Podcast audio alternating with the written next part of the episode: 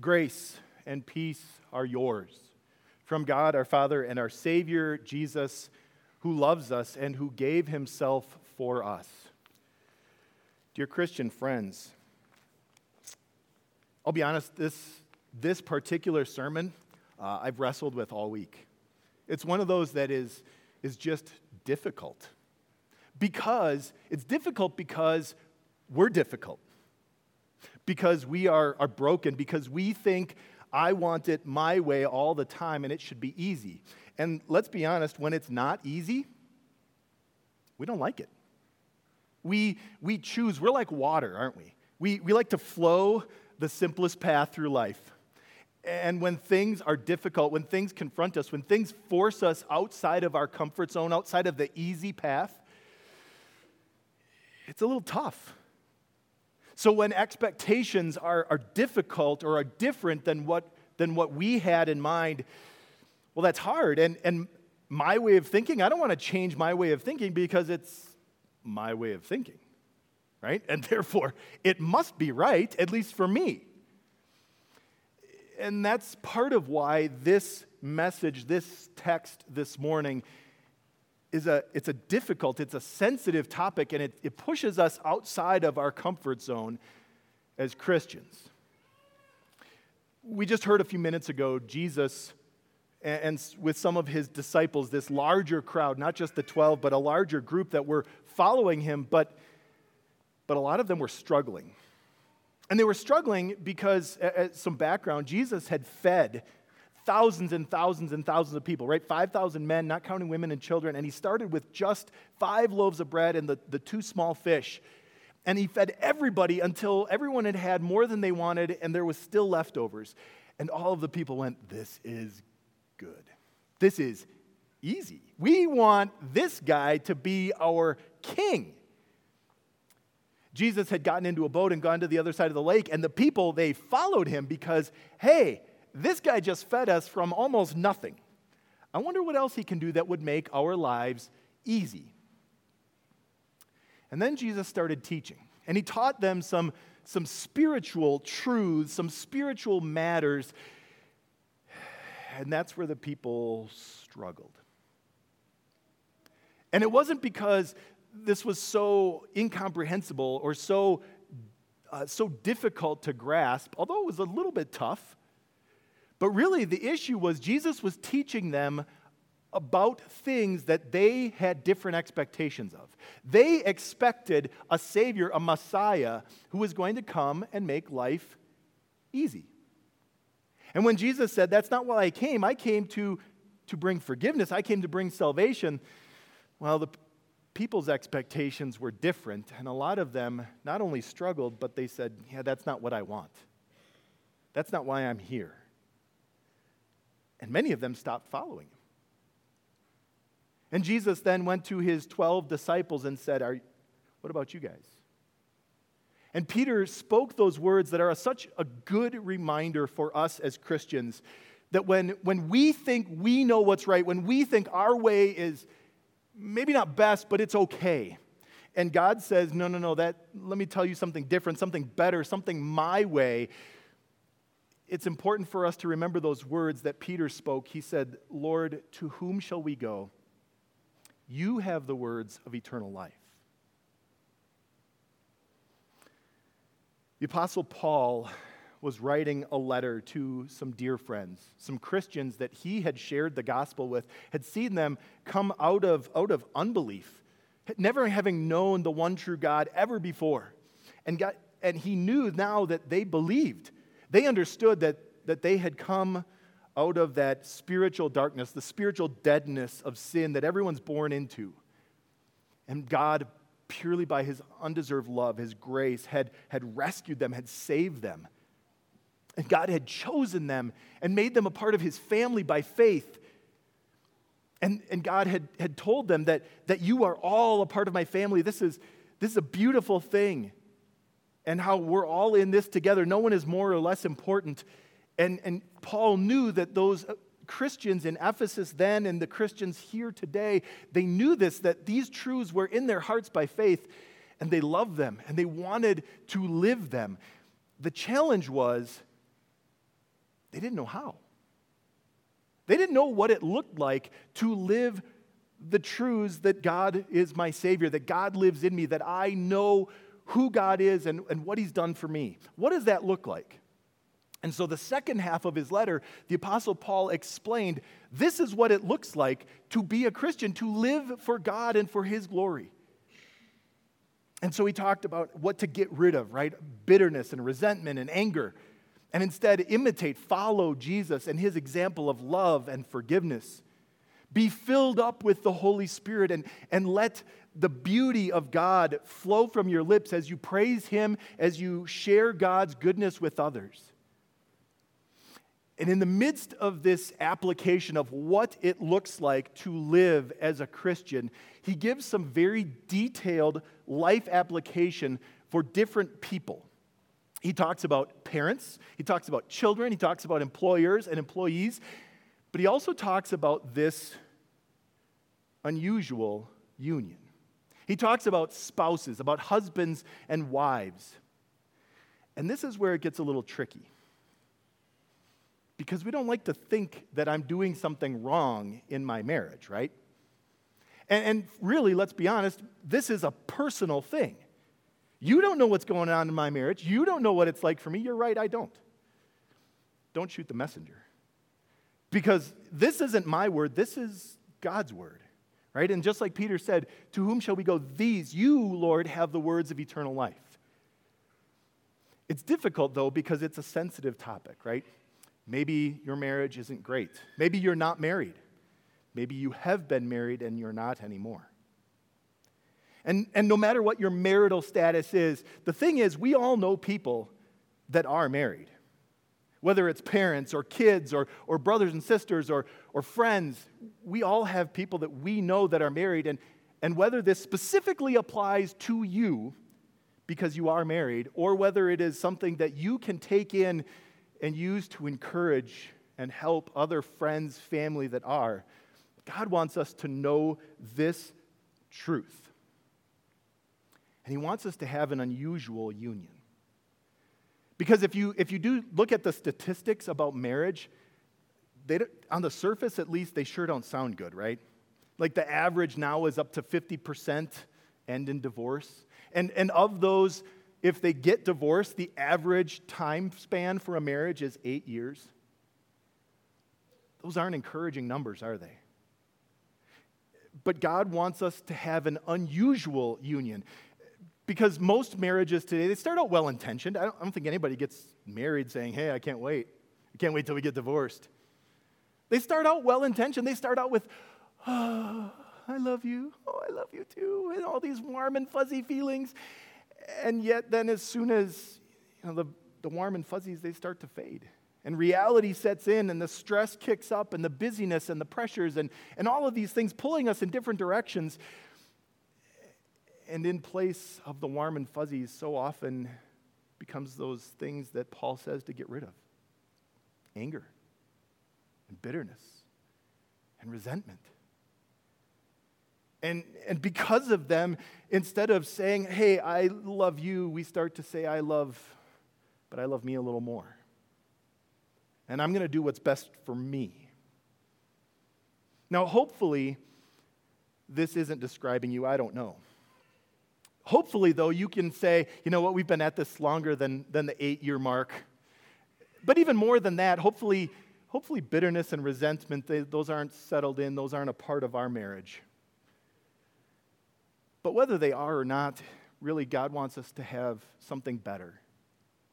He wants you and me as, as individual Christians to know His desire for this union that He has established, this gift that we call marriage. So let's look at what God says to people about his gift of marriage, this unusual union. He begins in verse 21 from Ephesians 5. He says, Submit to one another out of reverence for Christ. So here's the, the umbrella. Here's the overarching principle that everything that he's going to say after this fits in and fits under. And he says, Submit to one another. I'd ask you to raise your hand if you think submit is a positive word, but I'm pretty sure nobody would raise their hands. Because in our, in our culture, in our society, that's a, that's a, a negative word. That's a, a demeaning word, a down putting word. It means that you are, are less, it means that you are inferior, that someone is superior. Our culture might use it that way, but God doesn't. See, when God talks about submitting, it's actually, it's, it never has to do anything with personal value. It always has to do with everything with personal action. And when God talks about submitting, He's not saying you're less or you're worse. He's saying this is a Christ like thing. See, the word submit, it, it simply, in God's way of describing and God's usage of it in the ancient word, it simply means to serve someone else before myself. That's what the word submit means. We've flipped it around and made it something ugly and, and demeaning, but God says it just means to serve, which is what Christians, that's what we do. So if you want a simple way to remember what submit means, and really what marriage, therefore, is all about, because it's all about submitting to one another. Marriage is about we, not me. And yes, I know that's bad grammar. I know it should be us. But we and me rhyme, and so it's easier to remember, right? This is about we, it's not about me. Now, that is a highly unusual thing because we're all born with this innate desire to serve above all ourselves. Everybody has that. And it doesn't go away when you say, I do. And so the struggle is then when there's something that I want that might be not the best, may even be detrimental to my marriage. God says, then it's no longer what's best for you because it's not about you, it's not about me, it's about we. And God wants us to, to keep that in mind because this is a super difficult thing to do. So, to help us understand how we're able to do this, then how can God tell us to do this? What's our motivation? Is it because, oh, he's such a swell guy? Oh, she's such a sweetheart. I just love her. Nope. God says actually it has, doesn't have anything to do with your spouse because we might be tempted to think, well, if I want to, you know, to, if I have to give a little on this, if I want to get a little on that. And true, there is compromise in marriage, but that's not the motivation that God is talking about for Christians. God actually says, really, the, the motivation for we, not me, it's not about your spouse at all. It's about your Savior. Because he, he said, submit to one another out of reverence for Christ. Not out of love and honor and respect and, and all of those other good things for your husband or for your wife. He says, do it because you're a Christian. Do it because you do this, and this is how you, dear Christian, live in marriage because of Jesus. Because of Jesus who loves you, because Jesus who gave up everything for you. Because Jesus, who saved you, who died for you, who gives you heaven, this, dear Christian, is how Christians live. Maybe you remember the king of, of heaven and earth, the king of creation, the savior of the world. Just that night he was betrayed. Do you remember what he told his disciples? I didn't come to be served, but to serve and that's what Jesus gives as this beautiful model, right? Not to be served. This is what Christ did. He served. And this is what Christians do. We serve. And in this most intimate human relationship of marriage, dear Christians, we serve. We use that word that the society says is negative and God says is beautiful, and we serve each other before ourselves. It's about we, not me. So that's the overarching principle. Everything else falls under that truth this morning. But here's where it gets really messy. And you know why it gets messy? Not just because it's difficult, but because we, as sinners, we like to listen to what God says to my spouse. I love to hear what God says my wife should do. And I like to, you know, and I'm sure wives like to hear what God says their husband should do and go, see? But understand, God's not talking to you to listen for your spouse. He's talking to you to listen to what he has to say to you. Because we have enough trouble keeping it right on our own end for ourselves, doing what he says I am, should be doing. So let's listen then. Listen, and I'm, I'm going to give you permission. This is the only time you will ever hear me do this. You actually have permission to zone out. When God says, husbands, I don't care if wives take a 10 minute nap. When God says, wives, I don't care, husbands, if you want to go get coffee. Because he's not talking to you. But the section he addresses you, listen. Because he wants you, dear Christian, to live this truth so that you might have this beautiful, unusual union. Okay? So let's take a look. First, the next verse, verse 22, God says, Wives, submit yourselves to your own husbands as you do to the Lord. For the husband is the head of the wife, as Christ is the head of the church, his body, of which he's the Savior. Now, as the church submits to Christ, so also wives should submit to their husbands in everything. Ooh. Tough, right? Because these words, they get abused and misused a lot. And that word again, submit, doesn't sound very sweet, doesn't sound very good. Keep in mind, the Apostle Paul is not saying anything new. He's actually restating what he's already said. He's restating what the general truth is for both, and now saying it, wives, listen up. This is specifically for you.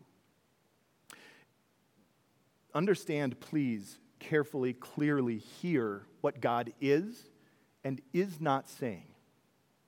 He is not saying anything about value. He is not saying anything about power. He is talking about serve.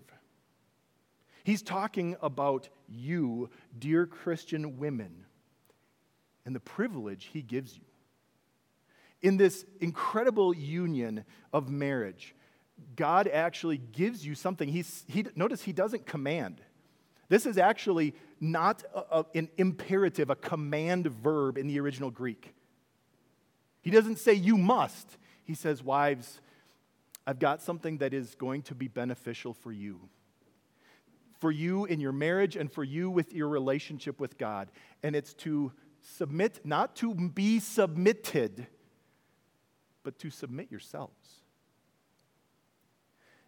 We may not think of it like this, but really what God is doing is our second takeaway that God empowers wives to serve their marriage rather than serve themselves.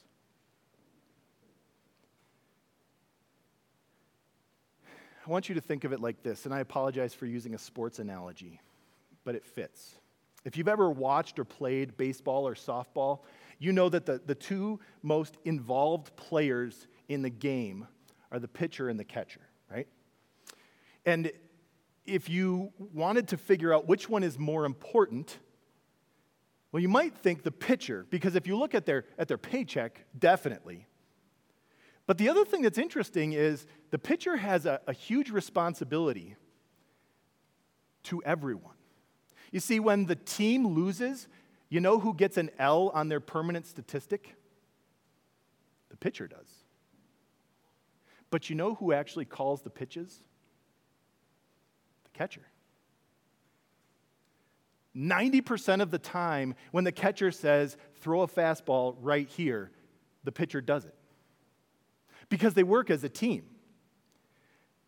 Now it's up to the catcher to know what's this, what's this hitter really good at? What, what can, do they have a hard time hitting curveballs? Then we're going to throw curveballs out here all time. They have to know what's going on in the game. What's the score? What's the situation? How late in the game is it? They have to know all of these different things so that they can tell the pitcher, I think this is the perfect pitch to throw right here, right now. And 90% of the time, that's what the pitcher does. Every now and then, though, you'll see the pitcher doing this and go,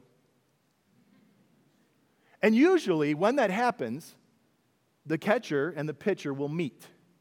They'll meet up in between home plate and the pitching mound, and they'll do this and they'll have a little conversation to get back on the same page.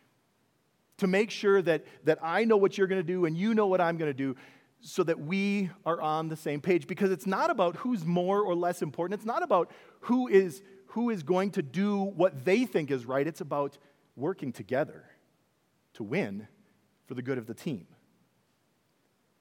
Dear wives, this is what God has called you to do. Understand, God, when He says those words about your husband being your head, He's not saying, God, that your husband has power over you. And He's not saying that your husband has authority over you. Sadly, those are often abused. And that's because you're married to a sinful man. But that's not what God is saying. He's talking about responsibility. You see, God has given your husband a responsibility to be the leader in your family. Now, what's hard, and maybe you've seen it, what happens when he isn't? More specifically, what happens when you take responsibility, when you take the leadership, dear wives? Generally, I'm guessing one of two things. Either it doesn't end well which means an argument, a disagreement, a fight. Or two, especially over time, your husband quits playing. Because you're trying to be both the pitcher and the catcher. And there's no place for him, there's no need for him on this team. Now, in case you're still struggling with that word submit, just to circle back around to that, I want to share with you one more Bible verse that hopefully helps cement for you this is not a, a, demeaning word, but in God's vocabulary, in God's world, this is a beautiful word. And the word, the, the verse comes from Hebrews chapter 5.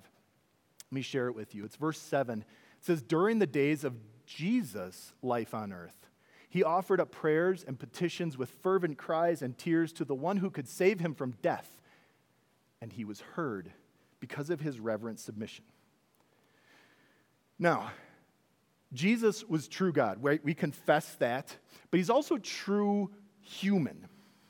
He is fully human, and, and his human nature knew what was coming. He knew from the beginning what, what lie ahead, what was going to happen on that hill, on that Friday, on that cross outside of Jerusalem. He knew that it was going to be the worst suffering human beings could dish out, and then it was going to be the worst suffering God could dish out. He was going to suffer hell itself. And so uh, he prayed intensely, fervently, right? If there is any other way we can save people, let's do that. But if you remember how Jesus ended his prayer just before he was arrested in the Garden of Gethsemane, what did he say? Not my will, but your will be done. See, not me, but we. And he wasn't just doing this for God's sake, he was doing this for yours and for mine to save people. Jesus, notice what does he say? Submitted to the will of God, accepting what was coming, knowing that it was going to be brutal and horrific and hell itself for you because he wanted to save you. And as a result, we get to live for him. Because my Savior loves me so much, he died for me, and he died for you. And that's the picture Paul uses in Ephesians 5 when he says the, the church follows their Savior, follows the lead what a beautiful thing, right? It, it's not a, oh, all right, I guess we got to do what Jesus says today.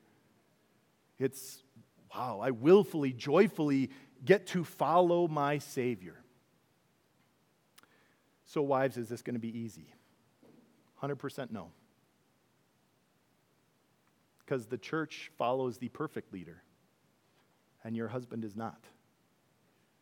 There will be times where his leadership will be not what you would have done, in fact, will be even wrong. There will be times where he will fail to lead. Jesus loves the church perfectly and consistently. Husbands love their wives imperfectly and inconsistently. But don't let the failure of one more imperfect human being change why you do this, that ruin your motivation, because it's not, I do this out of love for Him, it's, I do this out of love for Christ. And that's really the, the bridge then for the motivation. It's the motivation, our third takeaway for both husbands and for wives. So, husbands, if you've been tuning out, time to perk your ears up. My true motivation in marriage to follow God's direction, whether it's husband or wife, is not to have a happier or better marriage. It's simply to live for Jesus, to live for Christ, which is what Christians long to do. Husbands, let's take a look at what God says to you. Husbands, love your wives, just as Christ loved the church and gave himself up for her to make her holy, cleansing her with washing through with water through the word, and to present her to himself as a radiant church without stain or wrinkle or any other blemish, but holy and blameless.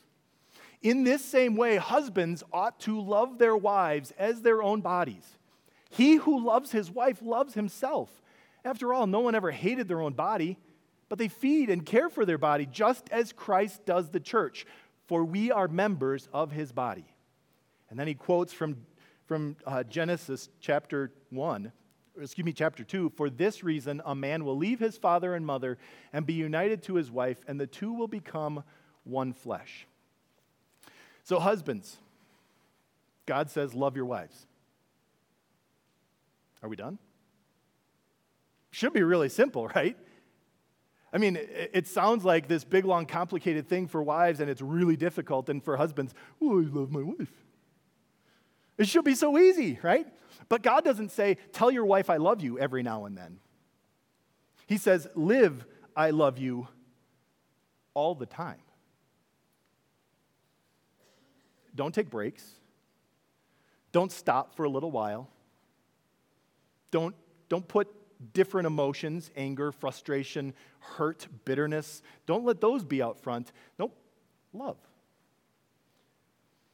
Because did you notice the example, the, the standard God holds you to? And, and notice this is a command.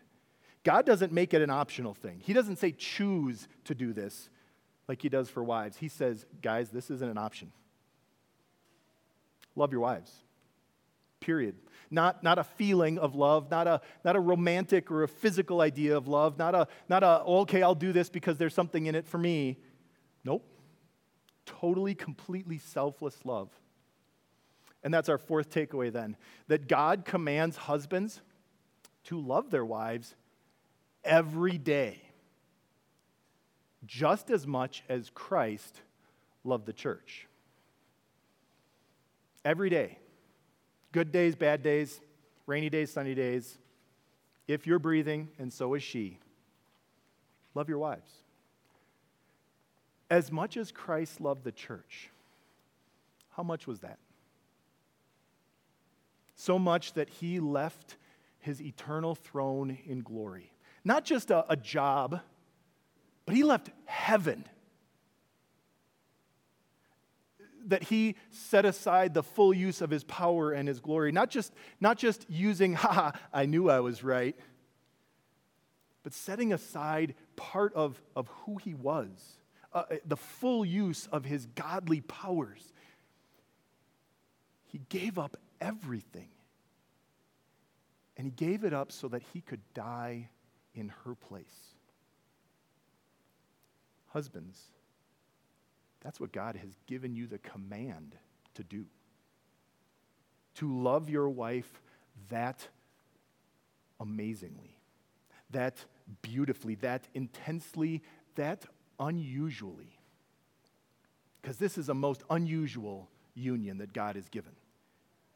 Now, is it easy to do that when, when you come home from work and there's a crisis brewing? Is it easy for two, to do that when there are two imperfect people living under the same roof. is it easy to do that as, as responsibilities go up and stress and pressure and, and the, the thing that gets, that gets taken away from the most is time with your wife? No to all of them. It's not easy. It's never easy, and it's never going to be easy. But God doesn't say, Husbands, I'm going to give you a really easy one. He says, Husbands, actually, yours is a whole lot more difficult. Because if you do this, your wife's responsibility, your wife's task, oh, it's so easy. If you love your wife like that, the way Christ loved the church, do you think she's going to go, oh, well, you're a big jerk today? I don't want to do that. No. Because she's going to know the depth of your love for her. She's going to know how much you love her. And so our Savior points us back to not how much we love our spouse, but how much he loves us. And how much is that again? So much so that every single day you wake up, God doesn't say, Boy, you better not screw up today. Nope. He says, You screwed up a lot, and I love you. So much so that when you fail, and you fail hard, and you fail bad, and it's ugly and miserable, and God doesn't say, Boy, you better fix this.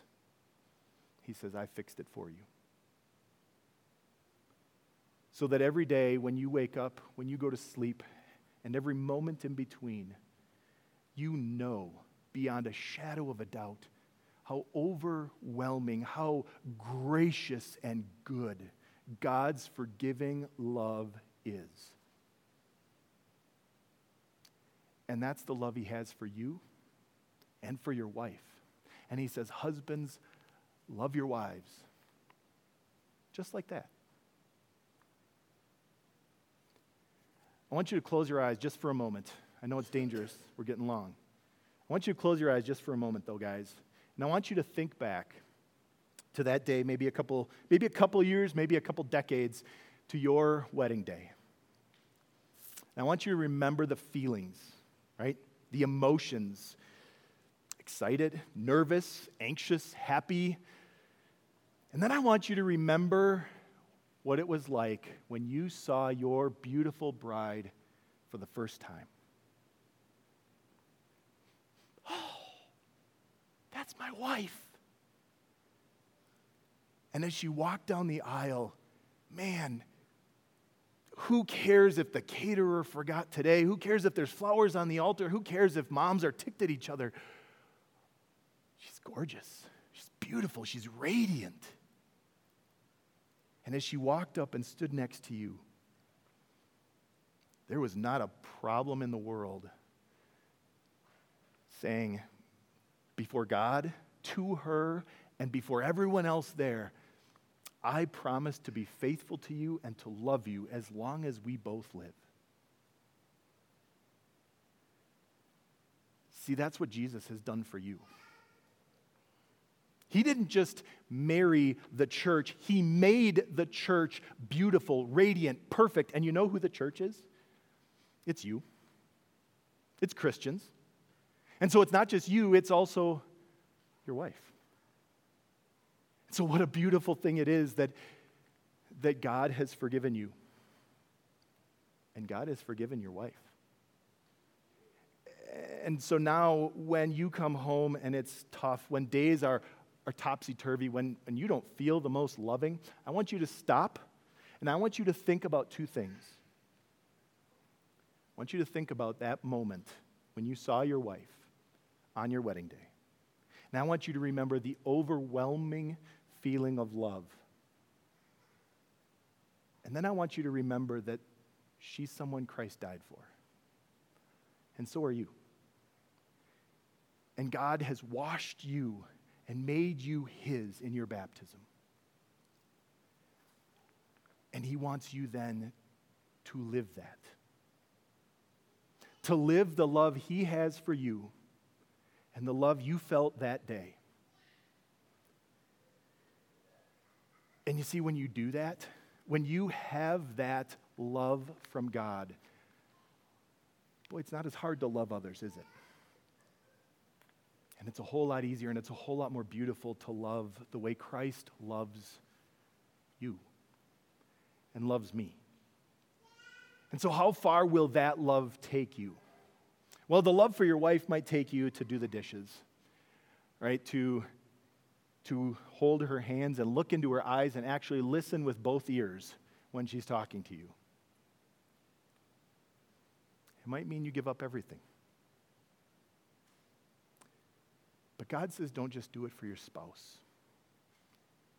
We do it for Him because He loves us. And truly, this is not a marriage issue, this is a spiritual one for every husband and every wife. See, God wants you and me, dear Christians, to have a beautiful, this unusual union. The world says it's a mess. The world says it's hard. The world says, eh, maybe don't bother. God says, I've got something way better. I've got something that is, that is stronger than just two people trying to hold it together for another day, trying to get through raising some kids, trying to get to retirement, trying to get through whatever. God says, No, no, no, I've got something that's connected because you're not just in a marriage, you're in a Christian marriage. And you are connected, wrapped up in Him. And so he says, Dear Christian, find your strength, the strength for your marriage today and every day from God. Find your, your purpose and your forgiveness in your relationship, not with your spouse, but with your Lord. And let it fuel your relationship with your spouse. Because God doesn't want this just to be some kind of drudgery. Oh, okay, I committed to this, I guess, I'm stuck. God says, I've got this beautiful thing. It's very unusual in the world but it's the beautiful union of two people in Christ as long as they both shall live. And that's what God wants for you. God bless your efforts and your union in Him. Amen. May the peace of God, which goes beyond our understanding, guard your hearts and your minds through faith in Christ Jesus.